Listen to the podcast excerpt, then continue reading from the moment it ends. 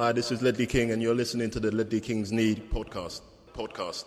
Podcast. Podcast. Ledley Kings knä. Konsekvent, inkonsekvent Ledley Kings knä. Det bästa som någonsin hänt Ledley Kings knä. Du kommer aldrig bli dig själv igen min vän Ledley Kings knä. Här flödar hybrisen Ledley Kings knä. När vi poddar på nytt igen Ledley Kings kommer aldrig bli dig själv igen min vän.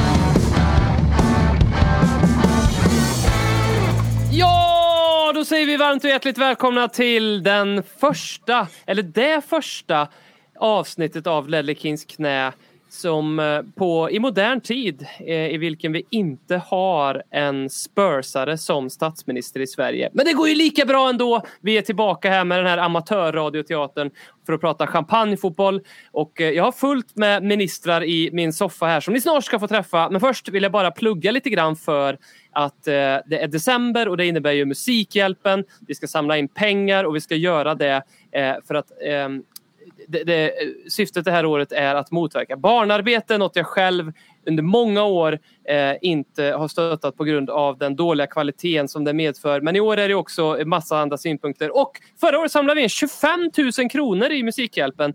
Eh, I år är vi redan uppe i 3 500. Eh, riktigt, riktigt bra. 25 000 kronor lyckades jag ungefär lista ut det vad Harry Kane tjänar på en dag. Så det är riktigt bra gjort. Det ska vi bräcka i år. Och vi gör ju det här tillsammans med Tottenham Sweden. Vi är mycket glada eh, att göra detta tillsammans med dem. Då så, eh, Robin heter jag. Eh, med mig här idag eh, har jag ifrån eh, Värmland min betygskonsult, eh, Lamela-vurmare, kattälskare, kärt barn har många namn. Hoppa upp på kateten. Nu är det dags för Bruno Mars, initialmannen BM. Hur är läget? Ja, tack, tack. Vilka varma ord. Jag tänker så här i tider av marknadsskola och covidutbrott både i Tottenham och i svenska orter överallt så är det viktigt att tända ett ljus, samlas vid brasan och donera så mycket pengar som möjligt till våran kassa före man inte längre har möjlighet att göra så för att man har dött. Ja, verkligen. Det är viktigt att visa sin solidaritet i dessa tider. Du, du skulle kunna säga någonting typ ja där eh, så att det inte blir så tyst där. Men, men, men vi kan gå Jag tänkte vidare. annars, att, jag tänkte annars Ja. att det var ett perfekt exempel på hur man inte var solidarisk i detta eh, kalla samhälle vi lever i, de mycket högervindar. Att jag inte är solidarisk när du ber mig att vara det. För det är liksom någon form av så här politisk peak mot eh, Marcus Håkman framförallt. Mycket avancerat här. Och Marcus Håkman har vi också med oss i soffan idag. Hur är läget med dig? Alldeles, alldeles utmärkt. Mm. Desto mörkare det blir ute, desto gladare blir jag inne. Så, så? eh, december omfamnar vi. Nej, så är det väl egentligen inte. Men det är bra i alla fall. Har du kommit igång det här med julstök? Jag ser att du har en liten eh, fin ljusstake i- bakom dig där. Ja, det har jag. Jo då. Det är fingertoppskänsla och inredningskunskap på hög nivå när det kommer till julfirandet. Så att säga. Så det, det är lite ljusstakar, lite stjärnor. Ja. Mm. Lite Hur mycket ljus. tid lägger du på julpynt varje år? Tre och en halv minut. Fint. Men det beror ju också på att jag är väldigt organiserad innan jag gör det. Så att säga. Jag vet ju vad jag ska göra innan jag börjar. Jag går inte runt och går på fingertoppskänsla. Jag går ju liksom på så här låg de förra året. Så här ligger de detta året. Bra, effektivt. Med oss i eh, Fjollträsk, våran utsände i Stockholm, våran tappade värmlänning.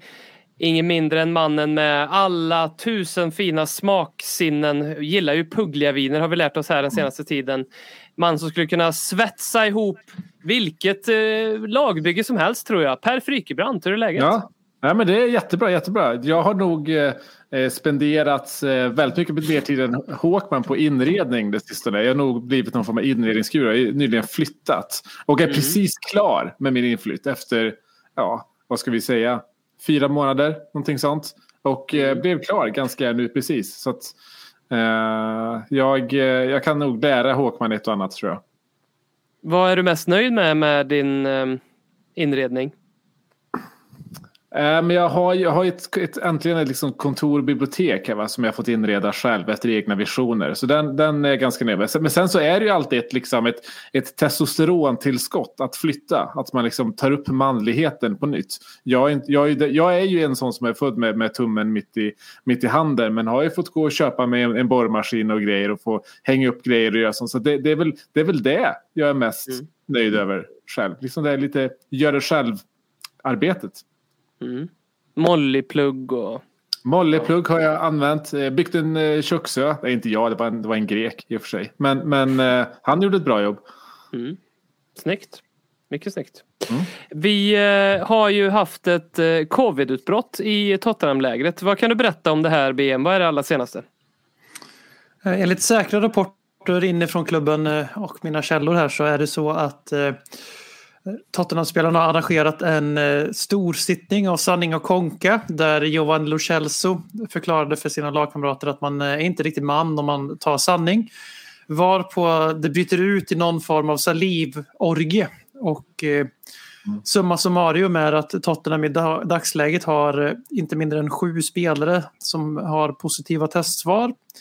Och i kor- coronatid så positivt betyder ju dåligt i det här fallet. Va? Eh, så man är med på det. Och eh, jag eh, tror ju inte riktigt på den här teorin helt och hållet. Då, men däremot den andra lite dystra teorin att det är för att Antonio Conte inte vill ha krampauser. Den teorin är svår att blunda för med tanke på hur vi firar våra regelbundna segrar nu för tiden. Så att Conte kramades för mycket och nu har vi corona i hela Tottenham. Förutom Conte själv. Men är, Ja. det, är, det någon, är det någon man litar på vad gäller liksom corona så är det ju Conte. Alltså, jag har ju så här en tilltro lik, till Anders Tegnell. Där. Det känns som att det känns bara, Conte kan det här. Han är, han är hobbyepidemiolog. Han har, han har fått någon examen där. Han vet exakt hur. Jag tror det kommer vara rekordtillfrisknande på spelarna. Eh, Antonio Conte han har klurat ut det här. Tre dagar så länge man är sjuk i corona. I Antonio Contes Tottenham. Ja, något sånt där. Det går fort i, i alla fall i, i, i eh, ryktespridningen i alla fall måste jag säga. Det, Mm. Har vi någonting bekräftat här? Vet vi vilka spelare? Det kommer vi kanske aldrig få reda på egentligen. Nej, det får man väl se lite nu hur de nya liksom, protokollen är. Men, men det, det vi kan ana oss fram till är i alla fall att Emerson och, och Brian Schill är två av dem i alla fall eftersom att de var borta med inom citat illness eh, i, i Norwich-matchen. Så det, det kan vi vara ganska säkra på. Eh, det, det, det är det illness betyder numera. Det är, det är, det är ju corona. Eh, men och sen så har det väl varit en del liksom, rykten på Twitter och där, ska vi, det där är väl lite mer osäkert. Det får vi se helt enkelt matchen eh, här mot, eh, mot, mot, eh, mot Rennes. Eh, det ryktas om att liksom, Ryan Mason ska vara en av liksom, ledarna. Eh, att det ska också vara på liksom, Son Mora. Men det där, det där, det där är jättesvårt att, att, att, gissa kring nu. Men, men och som det verkar nu så verkar det som att vi kommer behöva köra matchen mot Vitesse på, på torsdag. Vilket är kanske bra att bara riva av den och kanske åka ut det kanske är för allra bästa. Men det verkar ju som, liksom, känslan just nu är ju att matchen i helgen inte blir av. Eh, och då är ju ganska många Arsenal-supportrar Mm. ganska snabba på att säga att det är en konspiration mot dem för att de inte fick ställa in sin match mot Brentford i, i, i premiären för att de hade tre sjuka. Eh, och kan inte dra paralleller kring att det är eh, något fler att ha sju stycken eh, insjukna spelare. Eh, och det är väl egentligen inte tillräckligt för att ställa in en match. Men när det är corona så är det sju stycken. Det är ganska stor utbrott och det är ganska stor sannolikhet att det inte stannar vid sju. Så då, då blir väl också sannolikheten ganska stor att liksom Premier League skulle godkänna att skjuta upp den matchen. Vi, har ju, vi har ju praxis från förra säsongen där City fick ställa in match. De hade fem eller sex sjuka. Aston Villa var väl någon som slev också. Så det är på, från fall till fall i Premier League. Men alltså i Uefa är det spikat att har man 13 matchföra spelare. Som, om en av dem är målvakt. Då lirar man. Så det betyder ju då att eh, man anmäler, man anmäler väl 25 gubbar till truppen. Jag är osäker på om vi har anmält 25 eftersom att vi har haft lite svårt med våra homegrown-kvoter i Europa. Men vi har ju minst 23 i truppen i alla fall så det, det behöver vi upp mot eh, ännu fler då, som ska vara borta på torsdag för att den matchen ska ställas in. Och som Per lindar in det där, alltså vi, vi har ju en utomordentlig ursäkt nu att åka ur den här kuppen. Vi har ju i stort sett redan gjort det. Eh, vi behöver ju matcha Vitesse resultat mot Mora. Eh, och sen så tar man tydligen bort resultat mot just Mora eftersom att de är sist i gruppen. Jag vet inte allt det där, det får fråga Morten på Twitter. Men vi hade, med, vi hade vi löpte ganska stor risk att åka ur Conference League. Otroligt pinsamt och skamligt nog redan i, i gruppspelet oavsett. Så att här får vi ju en väldigt, väldigt tacksam eh, filt vi kan lägga över det här. Så i historieböckerna om fem år så kommer man kunna säga ja ah, det där var covid-säsongen när vi åkte ur i eh, Europas sämsta hittepå-tävling. Så att, eh, det kommer ju passa bra. Men jag tror precis som Per att Brighton-matchen eh, Den kommer bli inställd om, om vi vill det, för Brighton har ju upp mot åtta spelare skadade. Eh, Och de är nog inte sena på att eh, ta sina chanser mot oss i januari istället än, än nu då. Om det visar sig att, de, att det stämmer att de har så många borta. Men och är det så att eh, resultaten mot Mora eh, raderas så att säga? För i så fall Jag kan har ju... för mig att det var något sånt, och det är jättepositivt för oss eftersom vi på något jävla Alltså, vänster lyckas förlora mo- mot dem. För då kan vi väl egentligen vinna gruppen? Va? Det vet jag. Alltså, ja, om, om, kanske. om, om Rennes resultat mot Mora, det är sex poäng som försvinner. Vi är fyra poäng bakom. Eh, Det kan vara så att det bara tas, eh, bara tas bort mot Mora om alltså, lag hamnar på samma poäng eller något sånt där. Jag, jag vet inte, det måste Ja. gick igenom det. Det känns ju- gediget. Det känns ju mer rimligt faktiskt. Det känns som att det är bara någon som har suttit och hittat på det där bara för att så här, det här är något nytt sätt att mäta saker på. Kan man inte bara ha poäng och målskillnad? Och, alltså, eller, Inbördes möten, det räcker så, jag håller med. vad ska man krångla till det för? Det blir ju bara eh, skärpning. Men eh, tror ni, alltså är det här eh, sportslig? Jag, jag tycker lite grann så här eh, att eh, eh, har ni bestämt att ni ändå ska köra en fotbollssäsong under ett coronaläge så fan, då, kan ni, då får ni ställa upp och spela match. Det är inte så att det inte finns spelare som kan spela. Så det är ju liksom, men är det den sportsliga grunden vi kan lägga in det på eller är det mer eh, förklära i att så här, oj vi kanske råkar smitta massa folk om vi åker dit. Alltså, förstår ni min fråga? Hur lägger man in den här begäran om att få matchen uppskjuten? Säger Nej, men, nej, men det är väl precis som det sistnämnda. Alltså, så här, det blir jättesvårt för Premier League och FA att kunna argumentera för att fortsätta spela ifall det finns liksom, en överhängande risk att halva laget har sjukdomen. Eh, och och, och det, det, det är så det kommer presenteras också. För att säga, enligt regelboken ska vi fortfarande spela matcher. Jag tror att det är att man ska ha 14 spelare borta från sin ursprungs liksom, lista eller någonting sånt där. Eh, och det där gäller ju uppenbarligen inte med corona eftersom att ja, de där sju spelarna smittade är ju förmodligen några till. Liksom. Eh, så jag, jag kan väl hålla med om att inom, alltså, inom rimlighetens gränser ska man ju köra på. Har du en spelare, två spelare borta, det är liksom inget utbrott. Då är det att köra på.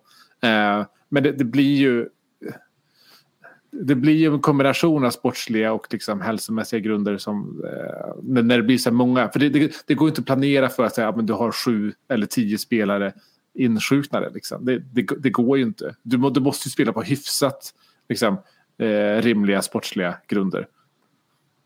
Men jag hade haft tio skador. Det är nästan som att man hade känt att säga, men fan, låt, låt dem få ställa in. Det lek med tanken att det här hade varit något av de tre eh, titanerna högst upp i tabellen och ligatiteln avgörs för att eh, Liverpool, vi tar Liverpool för vi vet att deras fanbase är mest högljudd i det här sammanhanget.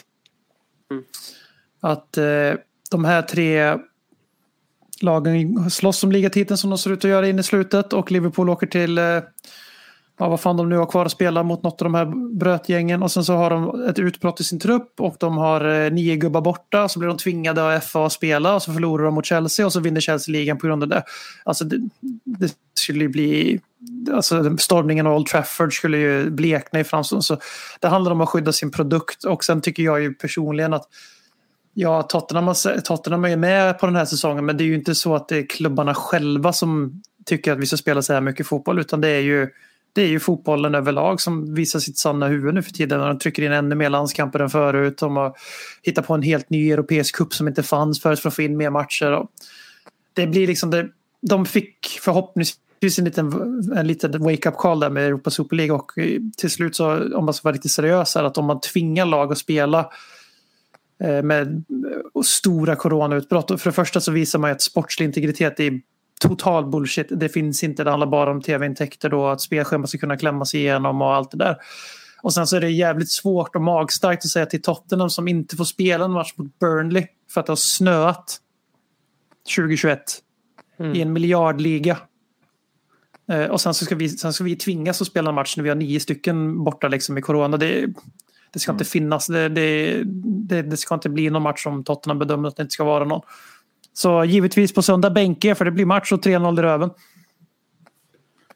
Och jag tycker att man borde spela.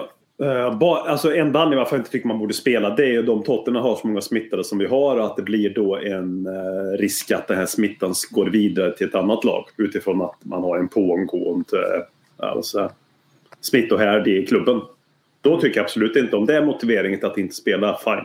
Det är logiskt. Då går det i linje med liksom eventuella restriktioner i, jag vet inte vad de har nu i England eller inte, beroende på vad som händer på vissa arbetsplatser eller så. Ni förstår vad jag menar.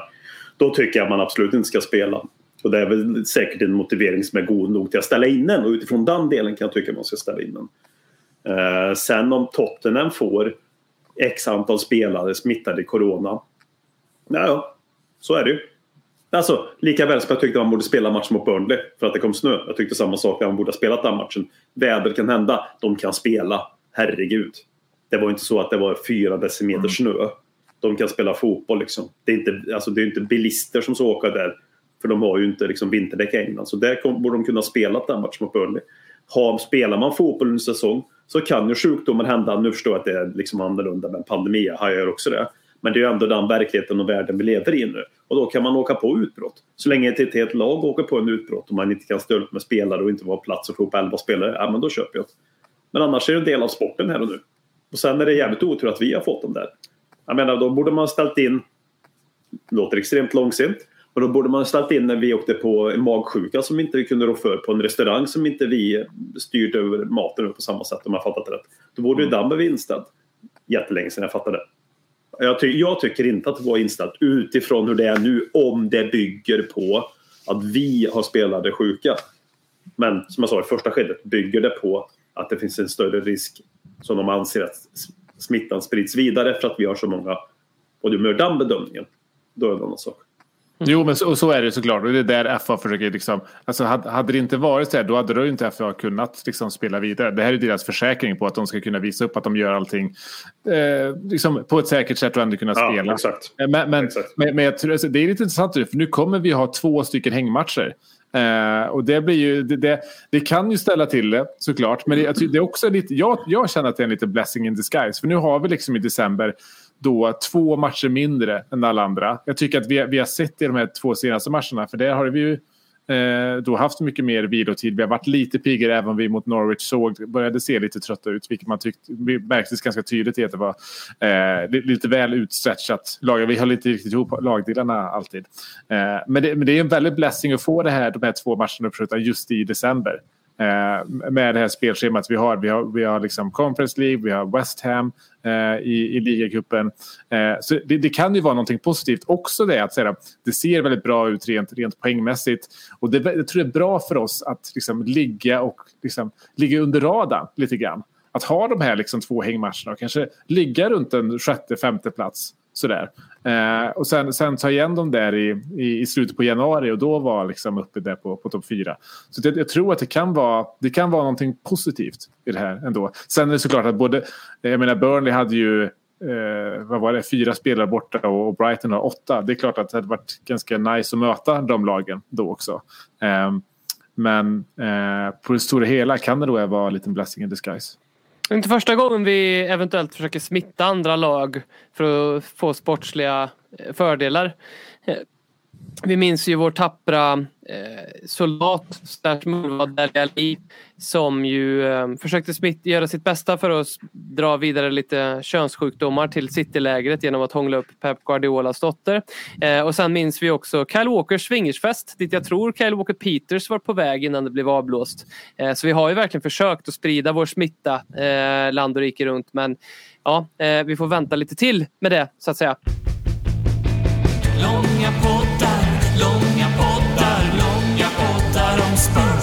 Vi eh, går vidare till att eh, prata... Ett, Tottenham är bra igen. Eh, på tal om positiva resultat kan man säga. Haha! Eh, 3-0 mot eh, Norwich och eh, dessförinnan något resultat mot Mura som jag glömt bort och, och, och lite segrar och sådär. Eh, Daddy Davis pratas det mycket om så vi ska ju såklart eh, eh kolla eh, läget med, med er och hur ni ser på honom. Men eh, Håkman, hur, eh, hur, vad har du plockat upp från de senaste matcherna här eh, i Spurs?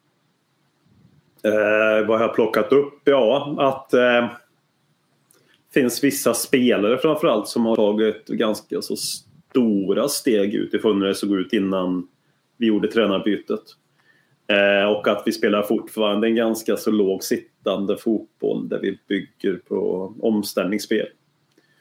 Eh, och att vissa matcher har sett bättre ut än andra så att säga, utifrån de här senaste. Så att säga. Jag tycker nu senast mot Norwich kanske det inte såg så där fantastiskt ut. Det såg mer stabilt ut mot Brentford till exempel. Men, mm, nej, men jag, kan se när Regulon och en Ben Davis har tagit några steg.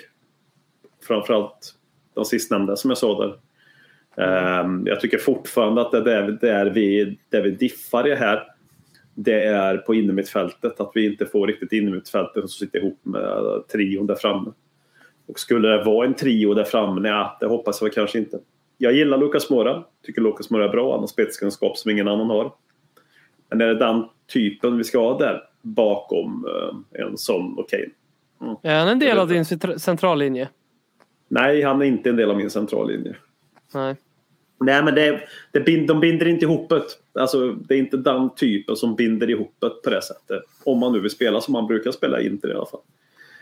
Mm. Men det är framförallt roligt att se att vissa spelare verkligen har tagit till sig och utvecklats. Ben Davis är ju en helt, i mitt tycke, då, sensationell utveckling. Mm.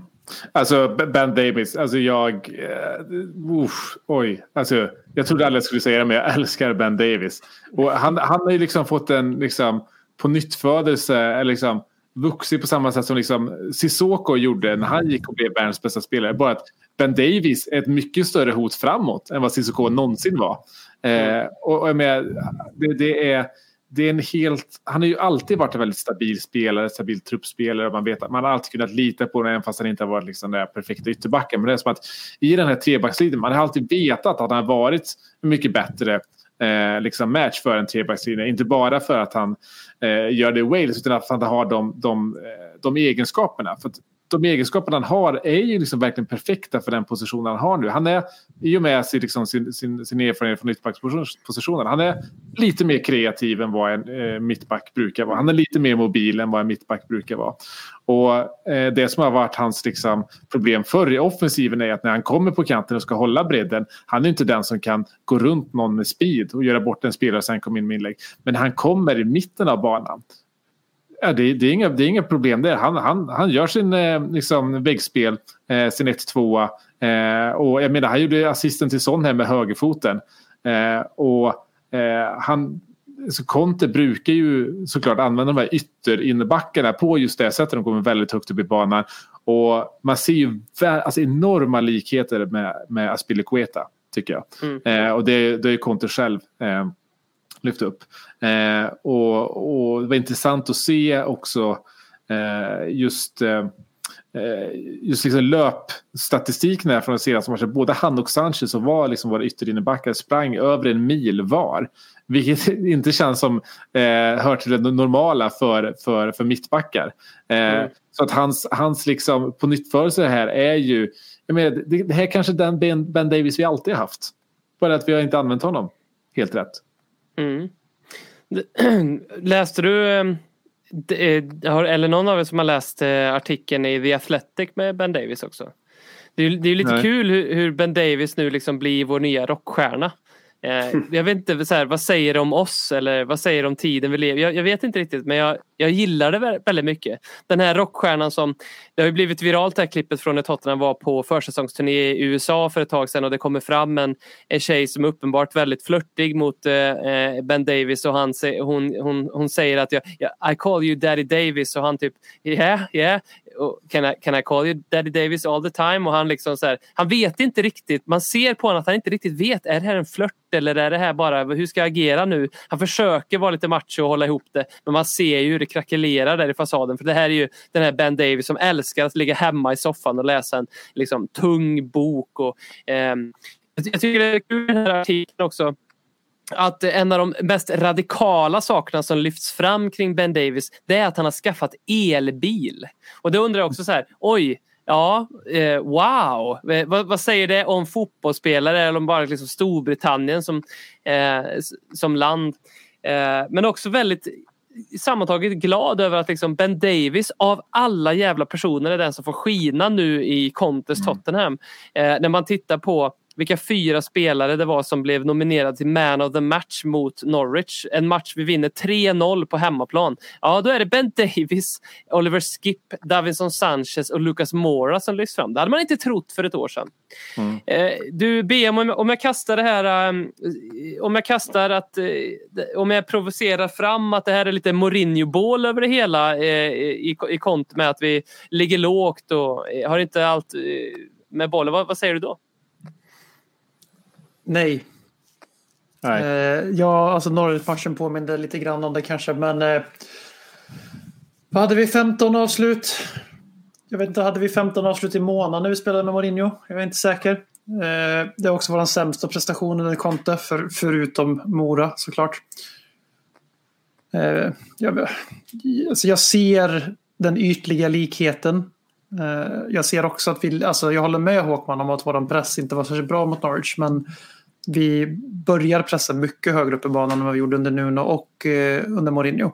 Problemet är att den var väldigt loj press och eh, har man en loj press så spelar det liksom ingen roll hur högt upp du börjar pressa för det är jävligt lätt att spela förbi en lufsande Harry Kane och en joggande Lucas Moura, eller ja, fel spelare, joggande Son och en kaninlöpande Lucas Moura. Sen börjar jag se en skillnad som är en väldigt stor skillnad med Mourinho och Conte. Det är ju att i Contes lag så vill han fortfarande att vi ska ha bollen. Nu hade vi inte bollen jättemycket mot Norwich. Men eh, vi fortsätter när vi väl får bollen. Då är det inte direkt bakom backlinjen och så sticker i djupet. Utan vi rullar runt i backlinjen. Vi passar hem till Loris. Han slår bollen rakt på puck ibland. Ute i inkast ganska ofta. Men vi vill ändå vårda bollen inom laget för att såra med någon form av tanke. Conte står också på linjen och liksom skriker i detalj så snappas det på tv-sändningar. Liksom han skriker i detalj på spelarna vad de ska göra, hur de ska röra sig och sådana där grejer. Medan Mourinho gjorde helt enkelt inte det. Sen håller jag med om att insatsen mot Norwich är inte bra. Vi spelade tråkigt. Vi har jävligt mycket tur som vinner med 3-0. Alltså det är en match där har de lite flyt i sina avslut så gör de, ju, gör de också tre. Även om expected goals så tror jag faktiskt vi vinner den här matchen 2-1 enligt den. Men vi har ju Idas avslut där exempelvis. Han på något jävla vänster lyckas styra den utanför och så har han väl en till och sådär. Så nej, jag håller inte med om att det är Mourinho-bal men eh, jag var inte heller särskilt imponerad i söndags. Så kan man summera. Alltså, jag tycker att det var skönt att för en gång skulle se att man kan ligga lågt och ändå spela bra anfallsfotboll. För det, var, det, det är någonting vi absolut inte kunde göra med Mourinho. För det var, ursäkten var att nej, vi måste ligga lågt och därför kan vi inte spela anfallsfotboll. Det här är bevis, beviset på att vi kan göra både och. Eh, och, och tyckte, eh, vi, vi, låg ju lågt och, och liksom neutraliserade Gilmore som är vanligtvis deras största hot. Och han var ju liksom, ja, han var inte ens en tredjedel så bra som Skip var till exempel. Alltså, honom neutraliserade vi verkligen. Sen så tycker jag, jag håller verkligen inte med om att pressspelet inte funkar. Jag, tror jag tycker att vi hade ett väldigt smart presspel i den här matchen. Framförallt att vi skar av deras passningsvägar. Alltså deras mittbackar hade eh, hundra passningar båda två. Eh, och, och, det är en statistik som i alla fall säger att ja, alltså, eh, om, om, vi inte hade pressspel så lyckades vi i alla fall skära av varenda jävla alternativ de hade. Eh, och det, det, det är minst lika bra som ett effektivt pressspel tycker jag. Sen så tycker jag att så här, man, man kunde se att när de väl liksom sättet de fick upp sina bollar på var att spela över våra liksom, liksom två, eh, två främsta linjer i anfallet och mittfält. Eh, och lyckades eh, lägga in den där och det kunde liksom Ida och, och Pucki göra. Eh, lyckas hota lite grann. Det, det, tror jag har mer att göra med att vi, man, så, man såg att det, var, det, började tröttna lite grann i, i benen där så vi lyckades inte riktigt hålla ihop eh, lagdelarna där riktigt. Men, men, jag tycker på det stora hela tycker att det är en av de bättre insatserna ändå under Conte just för att sättet vi liksom exekverade matchplanen på. Eh, så fort vi fick bollen Eh, visste exakt vad de skulle göra. Och det, det, det som vi såg tendenserna till i de första matcherna. Eh, eh Kanske inte riktigt mot Everton, men, men i Leeds-matchen i alla fall och så vidare. Och jag tycker att vi ser steg för steg verkligen utvecklingen av Conte Och nu börjar vi se hur, se hur den här eh, automation-fotbollen fungerar för dem. Att de faktiskt vet vad de ska göra. Eh, det, det, det, ser verkligen ut, både i, i Norwich-matchen och i Brentford-matchen, men det, det, är som ett maskineri. När liksom vi lyfter upp eh, bollen på, på Kane som target. Lägg direkt ut till höger eller vänster. Det, kom, det kommer en Emerson, det kommer en eh, Regilon farande och sen så är det eh, Son som är liksom eh, första man från oss. Så det, jag, ty, jag, ty, ser, jag, jag, ty, jag tycker det såg, såg väldigt bra ut. Sen så var kanske inte Eh, alltså vi hade ju, ska vi säga, lite tur att de har ju tre lägen de ska göra mål på såklart. Och ett, eh, är det ett bättre lag så, så, så kapitaliserar de mer på det. Och eh, vi lät också Norwich ha 60-65 procent av, av bollen. Det kändes inte så i matchen. Det kändes som att vi hade full kontroll. Det kändes inte som att de hade så mycket bollinnehav. Men det är klart att ett bättre lag gör ju mer av det bollinnehavet än, än vad Norwich gjorde. Men, men på jag, jag, jag, jag är fullt nöjd för jag tycker att det var ett, ett, eh, klart steg framåt. Jag tycker varje match nu är ett klart steg framåt. Och det, det har man aldrig någonsin sagt de senaste tre åren. Att det känns som att vi går åt rätt håll. Och lägg där till då att vi kanske kan få ut, eh, jag tror vi kan få ut lite mer av Hengmin Son. Eh, gå fram, Ja. alltså, jag tror liksom Han- 3-4-3 känns inte optimalt för honom. Ehm, jag, jag tror, vi Han- pratade om Lucas Moura förut och ah, skulle man ta in en kreativ spelare, typ en, eh, en, ja, en, en, en Eriksen-typ. Så tror jag att det skulle hända väldigt, väldigt, väldigt mycket mer när vi faktiskt har bollen också.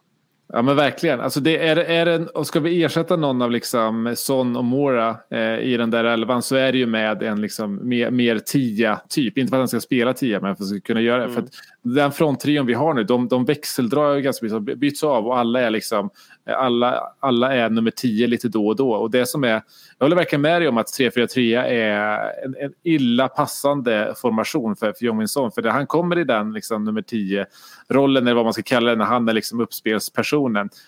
Han, hans sämsta del av spelet är när han har ryggen mot målet.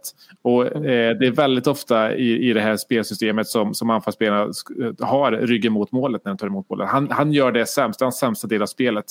Eh, eh, Mora lite bättre men inte fullt lika bra. Kane är gudomlig på det. Eh, och eh, eh, jag tror att det är därför också som... Son har ju fått två mål på två matcher nu men han, eh, han, han har inte riktigt hittat hem i den här formationen. Och jag, jag, jag tror inte att han kommer göra det i en 3-4-3. Jag tror att vi så småningom kommer liksom gå mot mer 3-5-2 för där, där, där får vi ut mer av hans liksom, spetsegenskaper. Håkman, vad tyckte du om Davinson Sanchez målgest? Den var bestämd i alla fall, eller? Ja, På något sätt. Ja, jag vet inte varför var han så arg? Skulle han visa missnöje mot att folk har buat Nej, men jag- jag- Eller blev han men jag- chockad själv? Eller vad det? Nej, men Jag tolkar det ganska ödmjukt som att han, han vet att så här, han har fått mycket kritik på sistone. Han, han vet också att han inte har gjort eh, ett speciellt bra år eh, i Tottenham. Och att det kändes lite som att säga, ja men mm, ja, jag vet, jag vet, det har inte varit perfekt. Här är ett mål, varsågod. Nu, nu, Ja, jag, jag, jag, är du löser inte, inte allt. Jag förtjänar inte att fira mina mål än. Det är det han, det är det han vill Ja, liksom visa. det är det han säger. Ja, ja.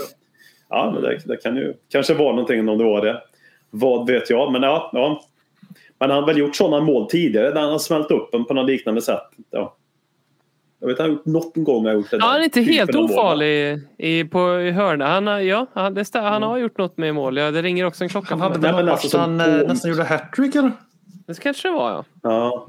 Nej, men just nästan identiskt sånt här mål som han gjorde nu menar jag också. Jag för mig har gjort någon gång. Där han liksom bombar in en utifrån någon anledning när bollen dimper ner hos en. Med en sträckt vrist rakt upp i... Ja. Jag tänker också lite grann på Carlos Vinicius eh, typ mål mot eh, Marine här. Eh, från typ en centimeter. Det var ju också lite grann typ av Ja. samma. Ja, just det. Just det. Och, och hur han firade sen också. Hade inte han, Mm. Gjorde inte han en jättestor grej att göra mål mot det laget? Han Typ körde i målfirandet. Mbappé eh, mål, målgesten. Eh, Ja, just ja, det, typ just så. Ja. så var det. Ja, det. Ja, jag vet inte vad det säger men passa på att fira när man ändå gör mål på något sätt. Det var också ett tema i söndags för Lucas Moura drog in ett eh, fantasimål som han aldrig kommer göra om. Eh, Och han firar ju inte heller. Eh, Han betedde sig också liksom som att act like you've been here before. Och Lucas Moura min vän, du må ha gjort ett här hattrick i Amsterdam och du är för alltid eh, förknippad med Tottenhams finaste stund eh, i modern tid på grund av det. Men min vän, du har inte varit där förut och du har fortfarande inte varit där bara för du har gjort två poäng som tokgiven startspelare. Det är du och Harry Kane. En av dem gör vi narr av varenda vecka. Och den andra eh, är med i centrallinjen enligt vissa. Ja, ja, du tog ner mig på jorden lite här innan vi började spela in för jag tycker att Lucas Moura har fått en ny vår men, men, men eh, jag inser att det är ju för att eh, han har strukit mig medhårs med att göra ett jävla kanonmål. Ehm, men men, jag, Men- måste bara, alltså, kommer inte Lucas Moura vara den, en av de spelarna som... Det blir ju alltid någon form av... Eh, när man minns tillbaka på spelare så minns man inte hur dåliga de var. Om de inte var riktigt dåliga. Liksom. Man, man sitter ju inte här och så här, åh Vincent Jansen, fan vilken kult det finns. Han var ju bara sämst i världen. Liksom. Men däremot så här, vi, många spelare minns man ju så fina och så bra fast de var inte riktigt. Men låt Ja, han, till ska man inte lova, alltså Lucas Moura gjorde ju tre mål mot Ajax. Det spelar väl ingen roll hur han är i fortsättningen. Nej. Nej, ja, så är det ju. och Han är ju inte en dålig fotbollsspelare, det är inte det jag försöker ha sagt. Det, bara så här, det, det var så kul att se i söndags. Eh, framförallt var det så kul att vara på andra sidan av Lamela-argumentet. För att nu förstod jag på ett helt annat sätt. Så här, ljuset gick upp för mig hur folk som bara inte kunde se vilken nytta Lamela jo, hade för Tottenham för att han inte gjorde tillräckligt mycket poäng i Premier League. Eh, över sin tid i Spurs gjorde han en hel del poäng från sin roll eh, i alla turneringar. Lucas Moura är också en slaktare i Conference League och Europa League. Och för där får han lite mer tid med, med bollen och då är han dödlig. Champions League också ja, för all del och han hade ju en jättefin säsong den säsongen överlag. Men eh, Ja, men, det, Mm. det blir så här, man såg så tydligt på Twitter att helt plötsligt gick Lucas Moura från att vara liksom så här, den solklara spelaren som skulle plockas bort ur elvan. Alla bara väntar på när Lo Celso eller en Dombele ska få vara tia istället för att han ska spela right wing. Eh, Mm. Han är ju rätt bra på right wing. Eh, och så, då så gjorde han det här målet som är helt fantastiskt. Ingen kan ta ifrån det där målet. Det är liksom, man fick ju stå, stå, stå flagg liksom på det. Men det, var, det, är det enda målet han har gjort den här säsongen. Liksom. Vad, är vad, är vi, vad är det vi låtsas som att han har varit så produktiv helt plötsligt för att han gjorde ett drömmål? Nej, Nej. nej, nej. Då, måste ni, då ska ni höra av er till mig på Twitter allihopa och så ska ni skriva en förlåt och ett ursäkt för att ni inte hyllade Erik Lamela efter hans Rabona på samma sätt. Men, men jag, ty, jag tycker alltså, jag ty- satt i senaste podden och, och tyckte att han var liksom vår mest förrädiska spelare i det att han har den här briljansen i sig men att han, eh, att han för liksom, vår- vårt sätt att spela är ganska liksom kontraproduktiv i det att han inte alls vet hur man spelar tillbaka utan han istället hellre ger bort bollen. Men jag tycker han har ryckt upp sig där de senaste matcherna sen, sen Leeds-matchen och faktiskt gör det bättre. Sen har ju Conte varit ute och liksom legat på honom också. Han säger att Mora kommer, han, vi litar på att han, ska, han kommer göra, han behöver göra våra mål. Han ska göra fler mål och det, det behöver vi också om inte Kane eller, eller Son ska göra lika många mål som förut. Men jag tycker att han, han, de senaste matcherna har han liksom ryckt upp sig lite grann. Och han är ju en spelare som även om han har fått, spela, fått mycket speltid genom åren, han har inte riktigt fått förtroendet. Och det har han ju nu. Och får tid på bollen. Eh, så det tror jag att så här, ja, vi, han, han har lite chans nu att, att lämna ett avtryck. Eh, men annars så kommer han väl bli en av de där spelarna som man kanske tänker tillbaka på eh, lite romantiskt bara för några små, eh, liksom, små moment av genialitet. Han kommer kanske bli minnas på samma sätt Kranjčar. som... Ja, jag nej, tänker men vad typ, fan säger ni? jag tänker typ Aaron Lennon. Alltså, man, Nej, man alltså. har glömt hur frustrerad man var på den karln. Men det är alltså, för mig är det som solklart med Lucas Moura. Måste jag bara säga. Han gjorde tre mål mot Ajax. Vänta var en stor vital. Ja, ja, ja han är en Alltså, hjälte. det går väl aldrig, det går inte liksom cruncha Lennon. Lennon älskar jag också. Lennon är en annan typ av spelare. Han var ju lojal, spelade på högerkanten, funkade jättebra där utifrån ett samarbete med och Luka. Var, alltså, och var, hade ju ingen sista fiol liksom på strängen. Gjorde ju typ aldrig mål på ett bra sätt. Jag kan ju Ja, köpa det här han, med gjorde Lukas. ju han gjorde mål eh, 9-1 mot Wigan. Ganska Ja, men snabbt. precis. Ja. Nej, men jag, jag tänker bara att det målet han gör tänker på är så jag tänker, jag i alla fall på det målet. Att det målet han gör, det är ju liksom absolut inget Lucas Moura-mål. Han har ju Nej. liksom inte gjort sig känd av att dunka bollar i krysset långt utifrån.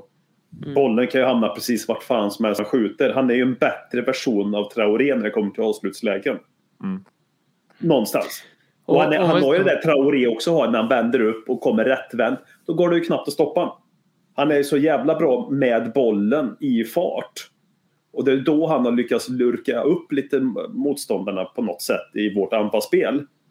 För att han drar isär bara genom att han springer rakt och inte tar bollen ifrån. Men han har ju liksom egenskaper nu som ingen annan har i laget och därför Nej. blir han ju just nu ganska ovärderlig i startelvan. Ja. Just för att han kan göra det som ingen annan kan. Så Men det är han ingen- det- Delar i hans spel är ju faktiskt, han gör ju sånt som bara de absolut bästa i världen kan göra. Sen så har han delar i sitt spel som vem som helst i världen kan göra. Exakt. Exakt. Och, och, och, så, så att han är ju väldigt, väldigt förrädisk även där. Men just de egenskaperna, nästan till världsklass. Schrödingers Vi- Lukas. Men det är väldigt, eh, väldigt roligt också med matchen mot eh, Burnley. Jag vet inte om det här jag vet inte hur jag ska tolka det. Jag läser Lucas Moras Twitter efter det att det gick eh, ut nyheten om att matchen mot Burnley var inställd. Eh, då tweetade han ut cold, cold, cold, cold, cold, cold, cold, cold, cold, cold. Och jag vet inte om han har så pass mycket självinsikt så att han driver med sig själv för att det här med kojs, kojs, kojs, kojs, kojs har blivit en grej. Eller om det bara är som med Lucas Mora, att om han säger någonting, då säger han det typ 27 gånger. Eh, vilket jag tycker passar lite med, med den bilden jag har av, honom. Att lite Tourettesig på rätt sättet, fast inte Tourettes liksom. Ja, jag får för mig att han är väldigt bra i omklädningsrummet också, Lukas Mora. Mm. Att han är en glädjespridare liksom. Ja, Men vecka, veckans Ja, verkligen. Det är Lucas Mora. ja Ja, men verkligen. jag tror att Verkligen. bra människa också. Jag gillar Lukas Mora. Även om jag inte tycker han ska starta i Tottenham över tid. Rent sportsligt så är han... Nej. Nej, det, Men- det, det, det är en, eh, det är en, helt annan sak. Men han, alltså, han är ju verkligen en av dem nu som... Alltså det är helt sinnessjukt att, att kolla på de matcherna och känna att det här är samma spelare som vi hade för en månad sedan. Eh, för det är så mycket med så många spelare. För att de nu vet vad de ska göra och spelar i positioner som är optimerade för dem. Eh, alltså, så som Skip har presterat nu, jag tror jag fick en fråga för typ en månad sedan eller en och en halv, två om liksom Skip var, var den bästa spelaren i laget. Och det, det skattar man ju bort lite då, som att nej, sitt ner i båten. Men, men, men han är ju, alltså, han och Davis är ju typ de första på eh, alltså first name on the first name on the team sheet. Eh, nu. För, för så, så som Skip presterar, alltså jag, jag ser honom som grundbulten i, i, vårt mittfält. Även när vi har haft liksom, lyckats ha tre transferfönster med Conte. Vad, är det Eh. han gör som är så bra då? Jag vet inte, men han, han gör det bra. Nej, Ja. nej, nej men alltså, alltså att kolla Men på på riktigt, de här... jag, alltså, jag tittar på det. Jag tycker inte han är dålig. Jag behöver inte fastna. Jag tycker inte att han är dålig. Jag vill inte vara den personen nu som, som kapar. Jag tycker inte han är dålig. Jag tycker han gör det bra. Han har en hög frenesi i hans löpningar. Jag kanske inte ser det taktiska som ni ser. Jag ser inte att han är... Han är definitivt en startspelare. Han är definitivt bättre än Höjberg. Han är definitivt vår första defensiva mittfältare vi sätter i laget nu. Helt med på det. Men jag ser inte det här. Och det kan ju ha att göra med att han är skip. Han förtjänar att bli lyft mer än många andra. Men så många andra pratar om honom i England nu. Alltså Tottenham-konton. Mm. Jag ser inte den dominansen personligen från honom på mittfältet. Som det vill göra gällande från konton till höger och vänster. Ja, Förklara ja, för mig. Jag, jag tycker att han är den liksom perfekta kombinationen av, av, Ja. av det man vill ha i den rollen. Han är ju en väldigt progressiv innermittfältare från början. En väldigt klassisk box-to-box egentligen. Eh, och har ju, alltså innan Norwich-lånet fick vi se lite prov på hans liksom spelfördelar, förmåga i hans crossbollar etc. eh, Från, från en ganska ung ålder. Men det han la till i sitt spel i Norwich, var, där hade han en väldigt liksom, klassisk nummer sex-roll egentligen. Deras enda sittande mittfältare. Och att addera liksom, den typen av kvaliteter. Eh, han, han fick ju det lära sig. att Han behöver liksom, eh, tänka till, han behöver vårda bollen, han behöver liksom, väga riskerna. Eh, han har blivit den där liksom, regista-rollen som jag tycker är så ovanligt att se hos, hos brittiska spelare. Eh, och framförallt i Tottenham-spelare under, under de senare åren. Eh, så jag tycker att han besitter den typen av liksom, att kunna vara registan och även den aggressiva bollvinnaren när han behöver. Jag tycker att den, den kombinationen är väldigt ovanlig eh, att se. Och jag kan inte säga liksom, någon på rak arm där jag skulle kunna säga att ja, den här hade jag velat ta istället. Ja, men det kanske skulle vara en Frenkie de Jong. Liksom, eh, som skulle kunna göra det liksom, eh, ännu bättre. Men, men, men jag håller verkligen så här, med tanke på hans ålder jag, jag, jag håller honom på den nivån framåt. Säga, jag skulle inte vilja byta ut honom mot en Frenkie de Jong. För jag vill se hur långt den här, den här spelaren kan, kan nå egentligen. Och jag, Jag- jag, jag- ser honom absolut som en spelare för, för VM-truppen. Just för att också England inte har den, den kombinationen i fotbollsspelare. Jag, jag tycker verkligen att eh, du har rätt i att hade vi värvat Frenkie de Jong inför den här säsongen för 50 miljoner pund och alla de insatserna som Skip hade gjort hade det varit Frenkie de Jong som gjort. Då hade vi snackat om vilken fantastisk värvning gjort. Jag är helt, säker, helt övertygad om att vi hade sagt. Är, är, är han det första namnet på the team sheet BM? Nej, det är han nog inte. Men han är definitivt eh, med i centrallinjen. Eh, och eh, det jag tycker har varit så imponerande att se med honom är att han, vi har haft en tränare i en månad drygt. Och jag tycker redan man ser en annan, ett annat register i Skip. Och det som jag tycker är viktigast att konstatera med Oliver Skips framfart det är utan tvekan att han håller på att göra Höjberg väldigt överflödig. Mm. För ni kommer ihåg Höjbjerg förra säsongen när han var upphasad och hyllad och vi försvarade värvningen till och med innan med backade upp med siffror och anal- underliggande analyser för att visa att han är inte bara en sopkvast framför backlinjen. Eh, fick vi se EM framförallt med Höjbjerg och där, det jag ser nu att man såg förut Höjberg var den som gjorde de här löpningarna. Det var han som bröt upp boll och det var han som drev med boll och så gjorde han en fantastisk glidtackling. Jag älskar när mittfältare glidtacklar passningar. Även fast det egentligen är ett tecken på att de har varit utanför position. Men skitsamma. Det, det, de finns ju matcherna- ingenting man, alltså, det finns ju ingenting som man får snabbare stånd utav än en glidtackling där man får med sig bollen, ställer sig upp i samma liksom, rörelse och sen drar iväg en passning. Exakt så. Men det, det är ju lite en, eh, om man, om, man kallar, om man tycker att Aaron Ramsdale gör mycket tv-räddningar så, så är det ju också, om vi ska vara ärliga, lite så att Oliver Skip gör lite mycket tv-glidtacklingar. Det gör han ju. Men Absolut. det får han. Det får de. Nej, men just Jag ska- att eh, jag ska- det vi älskade Höjbjerg för, det tycker jag att Skip gör bättre än Höjbjerg nu. Och eh, jag hoppas och tror att vi, det här är början på att vi för, för första gången på tre, fyra år lämnar det här tanken av att vi måste ha två defensiva mittfältare för att kunna spela fotboll. Det här kan vara gläntningen på dörren som gör att vi får se Tottenham där vi faktiskt spelar mer än en match i månaden med Lo Celso och Ndombele samtidigt tills de faktiskt får chansen att bevisa på riktigt att nej, de är inte tillräckligt bra för det vi får ut av dem. Eh, sen fattar jag att Höjberg inte är den mest populära spelaren att peta för att han ger väldigt mycket annat till laget men jag ser verkligen inte vad han gör längre på plan nu när Skip har kommit in och han, han, han, han har tagit hans jobb enligt mig. Det är inget snack om saken och jag vill ju se Tottenham som vågar spela mot Norwich hemma utan två defensiva mittfältare. Och det är definitivt Skip som är den som ska spela då. Det, det är där jag är, Oliver Skip just nu. Mm. Jag, jag tycker Oliver Skip är så som han är. Jag tycker han är den perfekta innermittfältaren. Liksom just för att du får båda saker med honom. Du, du, får, du får spelfördelningen, du får liksom det progressiva. Eh, men du får också de defensiva liksom, kvaliteterna. Och jag håller helt med dig om Höjbjerg. Alltså, det finns ingen spelare jag vill ha bort mer ur startelvan än, än, än Höjbjerg faktiskt. Han är extremt överflödig. Han, han är till och med kontraproduktiv. Alltså, han, han, ger bort, han ger bort bollen. Han, han vill ju framstå, det här vi pratat om mycket, hur han vill framstå som en viking och bara kämpar. Och han har byggt hela sin karriär på att han alltid ger 120 procent. Eh, jag tyckte att han var en av de första som började sluta springa under Nuno. Och så är det roligt att se under den här matchen. Han gjorde någon felpassning det första gör och skriker på sina medspelare att de eh, skulle ha gjort lite bättre jobb i att möta bollarna. Alltså jag, jag tycker han är, han, är, han är en väldigt nyttig truppspelare. Det är han. Han är bra att kunna slänga in när man behöver. Men är, det- är, är det någon som är liksom läs guy in the team sheet så är det Heiber. Och det är där, vi har haft mycket av den här diskussionen på Twitter. Men jag tycker därför att det är, liksom, det är innermittfältspositioner som vi behöver stärka upp i januari. Tillsammans med anfallspositioner. Det, är, inte- det är inte i, i backlinjen. För det, det är, även om det är jag på sikt behöver stärka upp där. Men, men jag- men jag tycker i och med liksom Eh, i, I och med Davis framfart, vi, vi, vi är inte lika akut behov av att stärka upp det som vi är på innermittfältet. För att säga vi har nu, och det märkte man ganska tydligt, i Conte i en presskonferens han ser ju Lo Celso som en av de här liksom, offensiva, i, i den offensiva trion.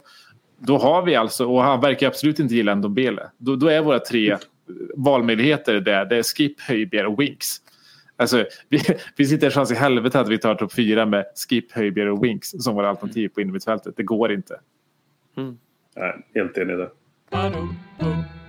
Billigare än knark. Roligare än terapi. Ledley Kings knä För den du redan är. Men också för den du vill bli. Det är dags för lite folkbildning. Man skulle kunna kalla Ledley Kings knä för eh, poddvarianterna, eller podd, poddvärldens ABF. Eh, Ni kanske har eh, hört talas om eh, The Crouch Review och nej det här handlar inte om Peter Crouch. Utan det handlar om Tracy Crouch. För i början på året här så, vi behöver inte recappa vad som hände i och med Superligan, det känner alla till. Men eh, i kölvattnet från eh, det som hände med Superligan så beslutade det brittiska parlamentet att tillsätta en utredning. Fan vad parlament älskar att tillsätta utredningar och särskilda utredare och sådär. Men det gjorde de i alla fall. Eh, och det fick en tidigare idrottsminister som då är denna Tracy Crouch i händerna. Och Hon konsulterade 130 eh, grupper med supportrar från eh, 130 olika klubbar då. Eh, över 100 timmar av eh, intervjuer och massa material samlades in eh, med helt med, med utgångspunkt i liksom att hur ska fotbollen styras vidare framåt för att vara hållbar och långsiktig i vårt land. Det här handlar inte bara om Premier League utan det handlar om engelsk fotboll.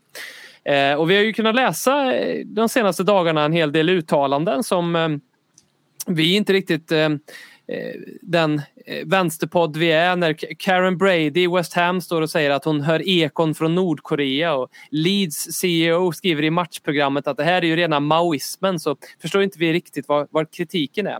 Eh, men eh, det finns ju de ordförandena som har som har uttalat sig eh, utöver dessa eh, med, med svidande kritik framförallt på de ekonomiska punkterna i eh, det här programmet som nu då Tracy Crouch har lagt fram det är ett, eh, 162 punkter, ett dokument på flera hundra sidor hon har producerat. Eh, och det är ju inte bara ekonomi eh, utan det är ju såklart en av de stora bitarna i det här. Men eh, den kanske allra största biten som hon kommer fram till det, det handlar ju om att eh, regeringen bör utse en oberoende regulator för engelsk fotboll som de vill kalla för IREF. Eh, som då eh, låter lite Apple-lånat men eh, för att hantera till exempel licenser för klubbarna men också eh, för att kunna kvalificera nya ägare, nya ordförande för klubbar. Det här görs ju idag men det är inte lika strukturerat och framförallt så finns det ingen uppföljning på det så det vill man ha in. Ehm, och eh, utöver detta så finns det väldigt många punkter om jämställdhet. Det finns mångfaldskrav. Det finns eh, ett krav om att klubbar borde ha skuggstyrelser bestående av representanter från supporterföreningar. Där, i, som där vi är idag så har ju klubbarna eh, mer eller mindre fått bestämma helt och hållet själva hur de vill göra här. De har gjort det som en goodwill-grej och kunna visa upp att haha, kolla vi har fanrepresentation i styrelsen men det betyder ingenting. Och i det här förslaget hon lägger fram nu så behöver det här komma fram och, eh, ännu mer och att kanske till och med då de här skuggstyrelserna som består av supportrar till och med kan få vetorätt i vissa typer av frågor i, i, i klubben.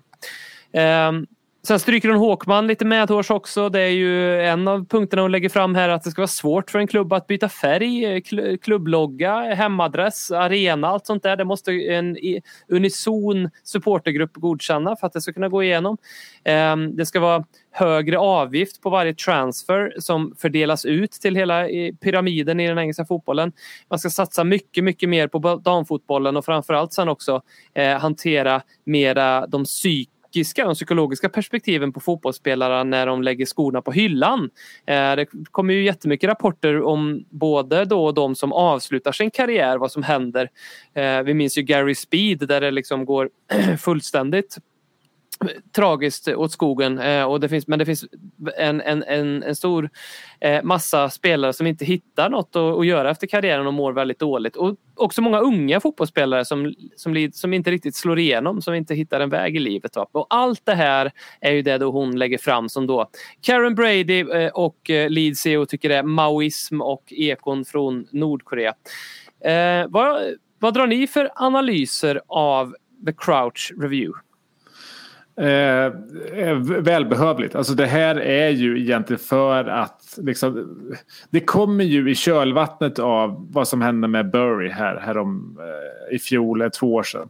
Eh, och sen så liksom eh, fått liksom lite, eh, lite fyr i och med aktualiteten i Super League. För det har verkligen bevisat att FA har egentligen ingen makt i engelsk fotboll längre. Makten ligger hos Premier League och den ligger framförallt hos de sex rikaste klubbarna. Och det här är ett sätt att balansera upp det innan det är för sent. Eh, och jag tycker att så här, man, precis som du sa, man kan dela upp det i lite olika aspekter. Liksom den, den ekonomiska men också den regulatoriska. Och det är väl den som jag ser liksom som den eh, absolut rimligaste. Jag tycker att alla delar är rimliga som du sa, men den, den är den mest rimliga. För att det finns ju Eh, så som det är idag med den liksom skeva maktfördelningen att det bara är de rikaste. Varför ska inte fotbollen eh, liksom ha det går under samma samhällsregler på något sätt som, som, som, som, de andra delarna av samhället. Alltså det finns ju, all, de flesta branscher har ju en, liksom, någon form av liksom, tillsyn från, eh, från, från, från samhällets håll. Jag menar, jag håller sysslar med energi, betting eh, vad fan som helst, fastigheter. Alltså du har någon form av tillsyn, någon regulator. Varför ska inte fotbollen ha det när det sker den här typen av liksom, eh, vad ska jag säga, maktmissbruk eh, inom en väldigt, väldigt stor eh, i en väldigt stor bransch som omsätter väldigt mycket pengar. Det var exakt samma sak som hände i Storbritannien efter bank krisen 2008. Det var precis, precis samma liksom, regulatoriska inslag därefter. Varför ska det inte ske nu när vi har samma liksom, skeva förhållningar och eh, nästan en lika, lika stor ekonomi som, som det var. Så det det känns allra mest rimligt. Sen så förstår jag, har jag verkligen svårt att se hur så många Premier League-klubbar är emot den ekonomiska aspekten av det. För att det är så många av dem som precis har varit precis där som kanske inte riktigt där det bör vara men, men, men där i krokarna. Ett Leeds United. Det var inte länge sedan de var i, i, på, på ruinens brand. Watford har varit där nere och, hav, liksom, och, och harvat. Manchester City har också varit där nere och harvat. Varför kan inte de se att det här gynnar den engelska fotbollen? Jag, jag, jag, jag ser inte att det, det, här på något sätt, för det är ingen, det är ingen som vill att liksom, Premier League ska bli en sämre produkt. Det vill ju verkligen ingen. De, det, som, det som de vill skydda är, det är den engelska fotbollen och, det, och ha ett bättre i slutändan engelskt landslag också. Det, det skiter ju jag i fullständigt. Men, men jag, kan inte, jag kan inte se varför de klubbarna som, jag menar en majoritet av de klubbarna i Premier League har ganska nyligen varit i Championship. Jag förstår inte varför de inte kan liksom, titta på det här med de glasögonen. För de har ju den här pressen som de här klubbarna. Det, det, det här, en av de här nya grejerna som ska införas är liksom en, en eh, omkalibrering av eh, liksom här paraply, paraplypengarna man får eh, efter att man åker ur Premier League. Jag menar den pressen lever ju de med dagligen. Nästan hälften av klubbarna i Premier League. Eh, varför ser inte de sin egen vinning där? Och det är det här som gör liksom fotbollen så pervers. Att alla bara röstar och tycker det som gynnar bara dem i just den här sekunden och kan inte tänka några år framåt. Det är det som är så hemskt med fotbollen, att vi kan inte föra fotbollen tillsammans. Alltså, vi, vi kan inte enas om saker. Vi kan inte ens enas om ifall vi skulle ha uppbrott under corona eller inte. Eh, så det, det här är någonting väldigt bra men det tycker jag också verkar ta fram det allra sämsta i fotbollen, tyvärr. Mm. Vad drar du för analys, B? Det mesta är väl sagt men eh, det man kan konstatera här till att börja med eh, som jag tycker är viktigt är att Premier League valde att lämna EFL för, en herrans, för 30 år sedan ish. Eh, skapade satsade på en egen liten eh, pedestal där som de trivsamt sitter kvar i just nu och tar sina egna beslut och eh, Tracy Crouch har ju fått frågan faktiskt huruvida om Newcastles ägande hade, alltså om det hade gått igenom under hennes förslag och det har hon gett lite undan, alltså lite flyktiga svar på tyvärr. Men det som är fakta om engelsk fotboll idag är att inte, inte ens i närheten en, hälften av Premier League-klubbarna är eh, financially sustainable eller ekonomiskt hållbara. Vi har pratat om det förut i podden, det var i Athletic för något år sedan en lång genomgång om Alltså hur få Premier League-klubbar det är som faktiskt lever på sina egna intäkter. Ni kan lista ut själva vilka lag det inte är men vi kan kategorisera lite snabbt att eh, plastklubbarna de lever ju över sina intäkter med råge. Framförallt Manchester City. Eh, och det har ju tagit fram en herrans massa regelverk för att förhindra sådana här blodstopade lag som Newcastle, PSG, City, Chelsea. Men det biter ju inte. Det, det är bara accepterat. Det är helt tandlöst de här reglementen. Eh, sen har vi också många andra klubbar i Premier League som kanske överraskar som inte är ekonomiskt hållbara. Men framförallt som Per var inne på så alla lag som kommer upp från Championship de kommer från en sån helt annan ekonomisk verklighet. Eh, och vi kan använda Norwich som exempel för de har börjat bli ett jojo-lag här nu. De går upp, och de åker ner, de går upp, de åker ner. Eh, de gör inga stora satsningar, de bara fortsätter gå upp och ner. För det, det är mer värt för dem att eh, gå upp i Premier League och vara en slagpåse varannat år, var tredje år. Än vad det är liksom att satsa ekonomiskt. Och det är ju för att det är det som är hållbart för deras klubb ekonomiskt.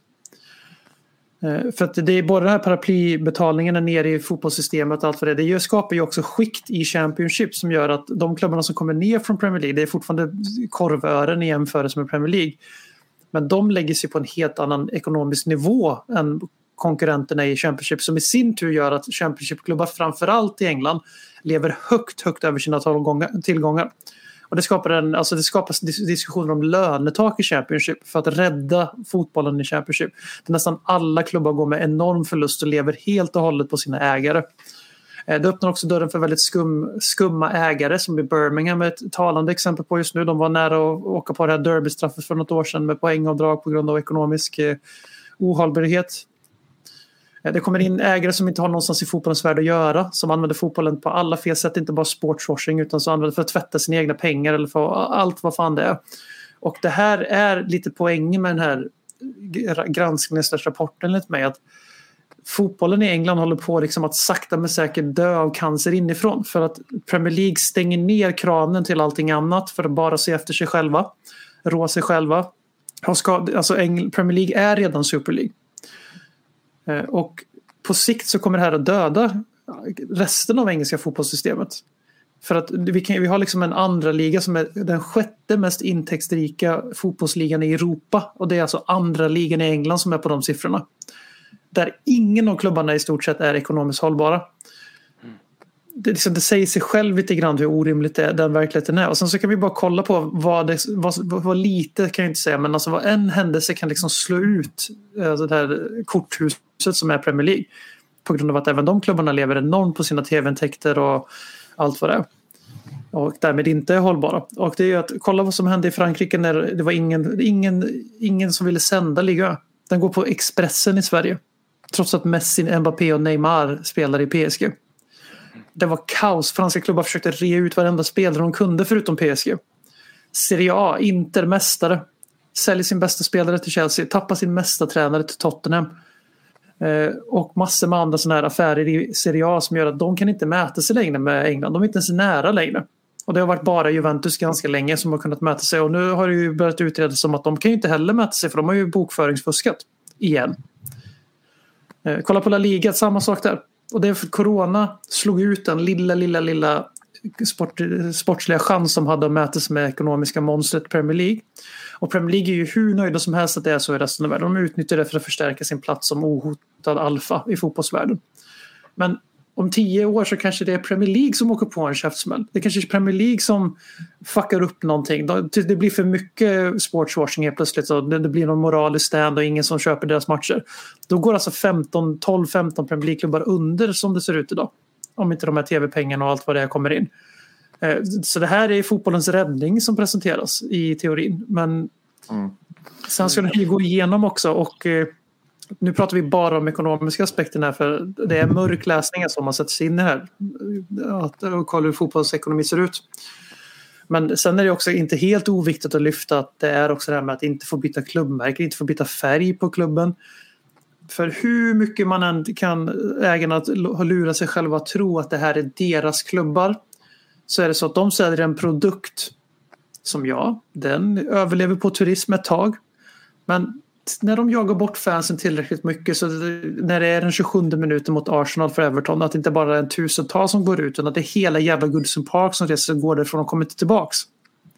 Lycka till att hitta 40 000 nya som går på varje match.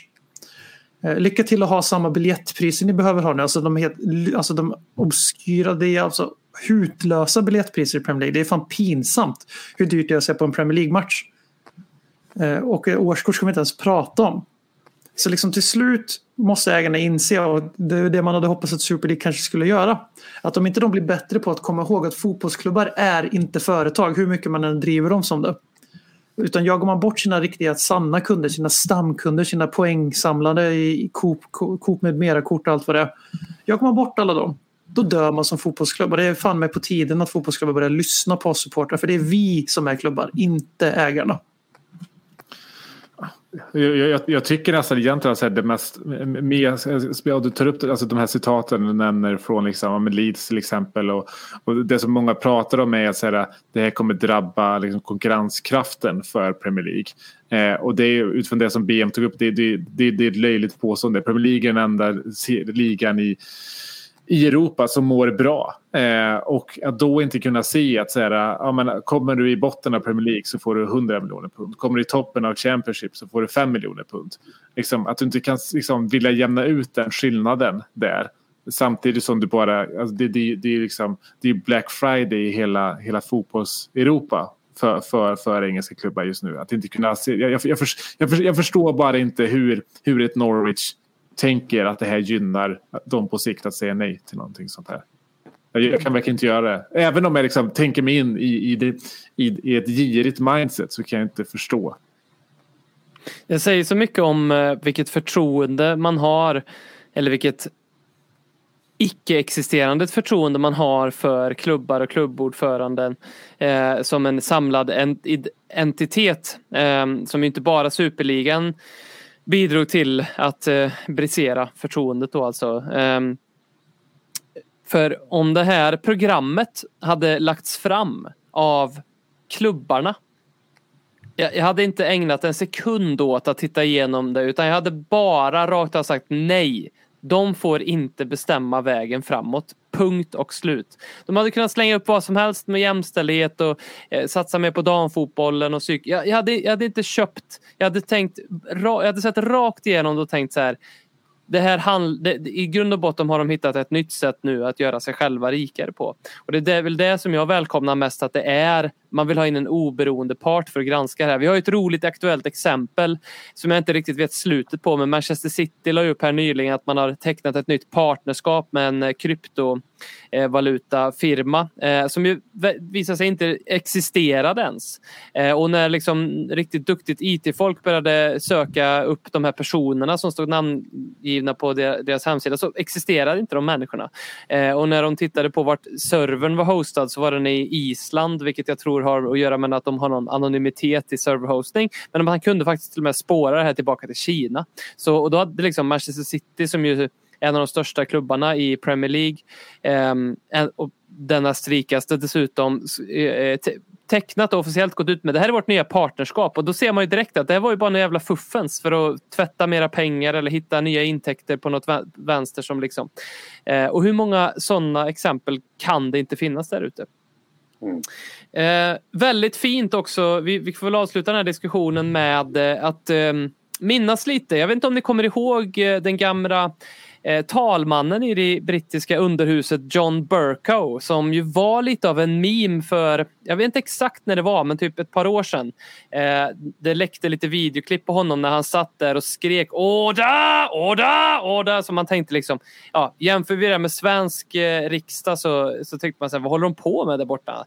Eh, det var, var mycket klipp på honom. Marcus Oskarsson älskade ju att visa upp det här i TV4 eh, Nyhetsmorgon dag ut och dag in när John Burkow då satt och skrek order, order. Eh, och den här John Burko han eh, är ju Arsenal-fan. Eh, och ehm, i en debatt i underhuset där då den här Tracy Crouch medverkade ett par dagar efter det att Tottenham hade spelat Champions League-final mot Liverpool och, och torskat. Så pikade John Burke och Tracy Crouch lite grann. Och varför gjorde han det då? Jo men det är ju faktiskt så att Tracy Crouch, hon håller ju på Spurs. Eh, så hon, den här kvinnan då som eh, har tagit fram hela den här Crouch Review, de här eh, 162 sidorna, hon är Tottenham-fan. Eh, och hon slaktade ju John Burko i det brittiska underhuset där och då. Eh, hon, eh, efter det att John Burko då hade pikat henne lite grann med att ja nu kallar vi upp Tracy Crouch som lider lite grann här efter att hennes lag eh, föll kort i, i eh, Champions League-finalen. Så säger Tracy Crouch Well, I look forward to watching Tottenham next season on a Wednesday night, while you, sir, will have to watch Arsenal on a Thursday night because, as the chant goes, you're not very good. Eh, och det blir också viralt. Eh, och fan vad man gillade att Tracy Crouch gjorde nog. Och fan vad jag gillade att hitta den här lilla faktan. Att det här, hela det här sto stora dokumentet, mycket väl utarbetat, eh, kommer från Tracy Crouch som är Tottenham-supporter.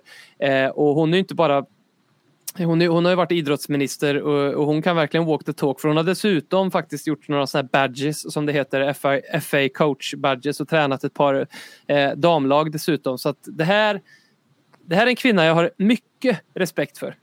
Verkligen. Är hon våran finaste, ja, finaste person med Tottenham-anknytning nu? Här och nu. Kan, kan nog vara så. Lite sorgligt att hon är konservativ. Um, men uh, må så vara. De är fina de också. Det, det visste du inte va Håkman? Nej, nej, men allt, allt eh, kan man inte få i vägen där. Så att säga. Men jag vill bara snabbt säga att det, det ja, som har sagt om den här eh, utredningen är ju liksom klockren från alla håll. här. Det är bara skönt att det kommer fram någonting, någon, någon motpol mot allt annat som har bedrivits under många, många år. Någon annan röst som hörts. Som kanske kan granskas och kanske kan gå vidare på något sätt. Och får man med allt utav det här som man inte kommer få, men får man med hälften eller vad, vad händer det nu? Alltså, dör det ut? Kommer det bli motståndsrörelse åt andra hållet? Men det, det är skönt att den här diskussionen ändå har tagit ytterligare ett steg. Att det har blivit en nivå till på det liksom. Jätte, jätteskönt. Mm. Och när, de, när det blir sådana uttalanden från de här två till exempel, West Ham och Leeds, det ja, det är väl tecken på att någon typ av stress i alla fall. Ja, det säger ju ganska mycket att de försöker som klubbägare äga narrativet lite grann också. Eh, Jag tror att de räknar lite grann med att folk inte läser de här 165 sidorna och försöker snabbt liksom eh, säga att det här handlar om att ni ska sno våra pengar och fördela en Robin Hood-grej liksom och att folk ska då bara eh, inte kritiskt läsa eller kritiskt granska deras uttalanden för den sakens skull. Ja, Eh, vilket vi hoppas folk gör. mm, absolut. skapar sin egen uppfattning. Ska vi avsluta med lite lyssnarfrågor?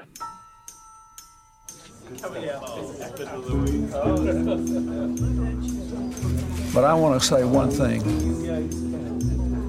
I want you to listen to me. I'm going to say this again. I did not have sexual relations with that woman.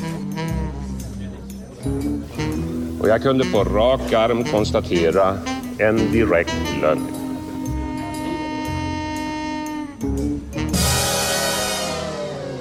Eh, Peracol, eh, vilket jag inte riktigt vet om det är eh, ditt alter ego på eh, Twitter Per, eh, eller bara är ditt största fan.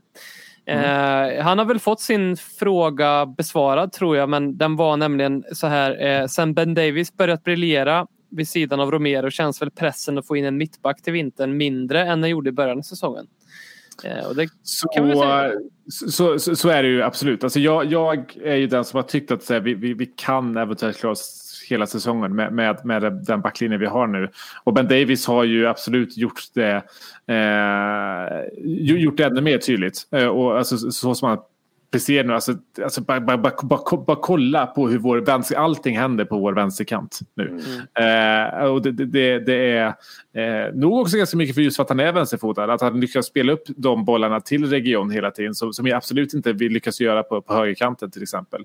Och vi var ju ute efter Pau Torres var det väl i, i somras det är ganska mycket och han har nu uttalat sig kring att han tackade nej för att han ville eh, få, få han, han ville spela Champions League med sin, liksom, eh, med sin, med sin klubb helt enkelt och nu är ju de eh, på väg ut där, ligger ganska dåligt till i ligan. Så det är väl en, en, en liksom eventuell eh, liksom, eh, ersättare till Davis som, eh, som skulle kunna komma in men kanske inte med behovet i, i januari. Så.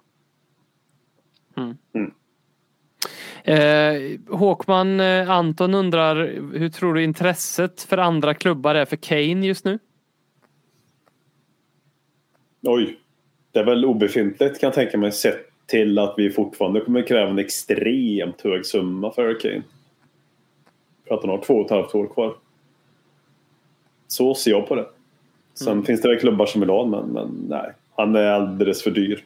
Och nu när han inte har öst in mål heller som hade kanske, kanske, kanske gjort en klubb varit villiga att betala den höga summan. Nej. Ja, det, det känns ju verkligen som jag, jag, jag skulle bli förvånad om City återkommer med ett bud eh, i januari. För det krävs ju. Det kommer ju krävas ett jättestort bud. Speciellt. Ja. Nej. Sen tror jag liksom.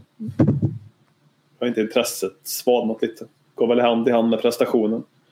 Som har varit väldigt, väldigt svag under hela hösten och början på vintern. Så. Mm.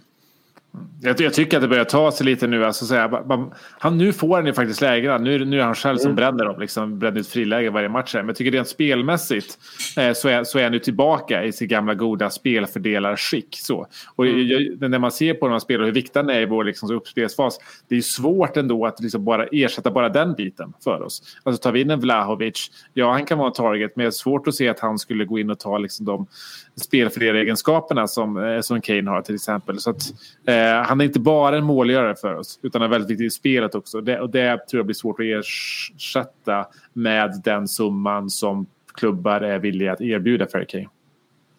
Nej, jag tycker matchen mot Norwich, hans match mot Norwich nu senast, det var en av de bättre jag sett under den här säsongen. Sett att han kom till lägen, han kom till skott, han hade ett driv, han hade ett försök, han hade lite bättre timing i mötandet och passningarna och spelfördelningen överlag. Så jag håller med dig där Per att specifikt sista matchen, senaste matchen i alla fall, tycker jag ändå var ett stort steg framåt för Harry Kane.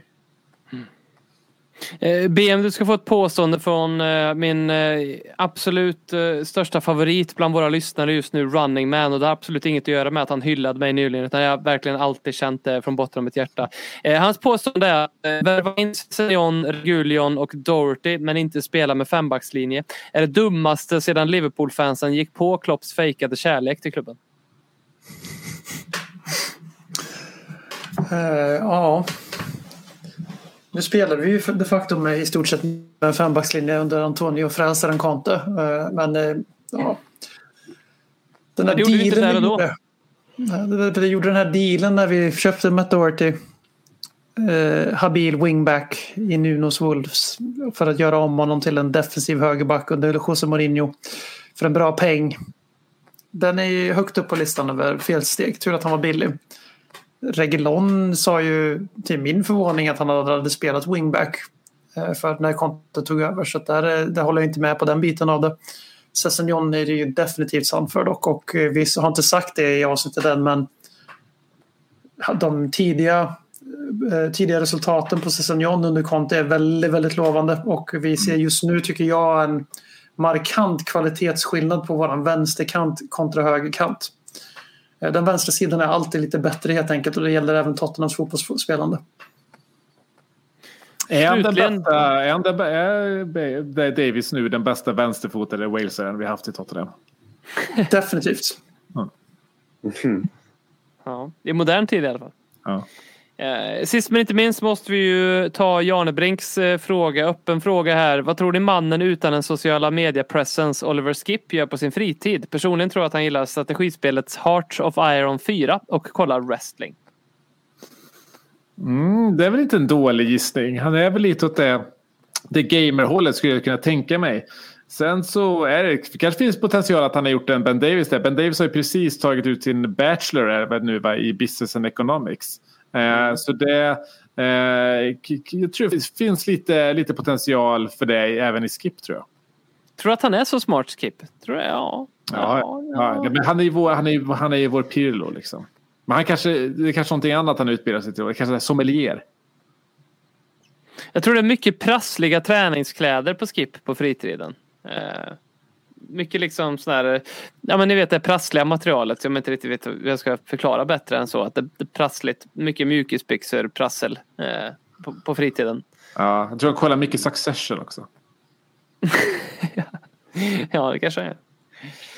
Eh, tack hörni för att ni har eh, lyssnat på ännu ett avsnitt av eh, Ledder Kings knä. Det 263 i ordningen. Och eh, glöm nu för guds skull inte att eh, Tottenham-fans i Sverige just nu samlar, vänder och vrider på varenda liten spargris, går in i sina syskons rum och slår sönder spargrisar och hittar pengar. Går in och tankar ner alla bitcoins och kryptovalutor och allt vad det heter ehm, för att kunna lägga pengar tillsammans emot barnarbete som eh, eh, Musikhjälpen 2021 står för. Och eh, självklart har vi en bössa där tillsammans med Tottenham Sweden som just nu i skrivande sekund, sekund stund är strax under 4 000 och vi ska ju nå det där glastaget, på- glastaget på en eh, dagslön för Harry Kane här eh, fram emot eh, slutet eh, av månaden. Jag gillar eh, Antons mycket ambitiösa inlägg om att han ska swisha 50 kronor till eh, bössan för varje mål Harry Kane gör under december. Tack för ditt bidrag Anton. Och tack alla andra ni som har bidragit. Och tack alla i eh, den här knarkarsoffan som Pölsa hade sagt. Eh, BM, Per och Håkman. Kul att podda med er igen. Ni får ha det så gott tills vi hörs nästa gång. Ciao! Ciao! Arrivederci. Konsekvent, inkonsekvent Det bästa som någonsin hänt Du kommer aldrig bli dig själv igen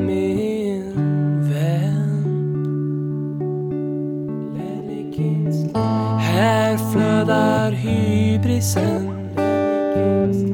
När vi poddar på nytt igen.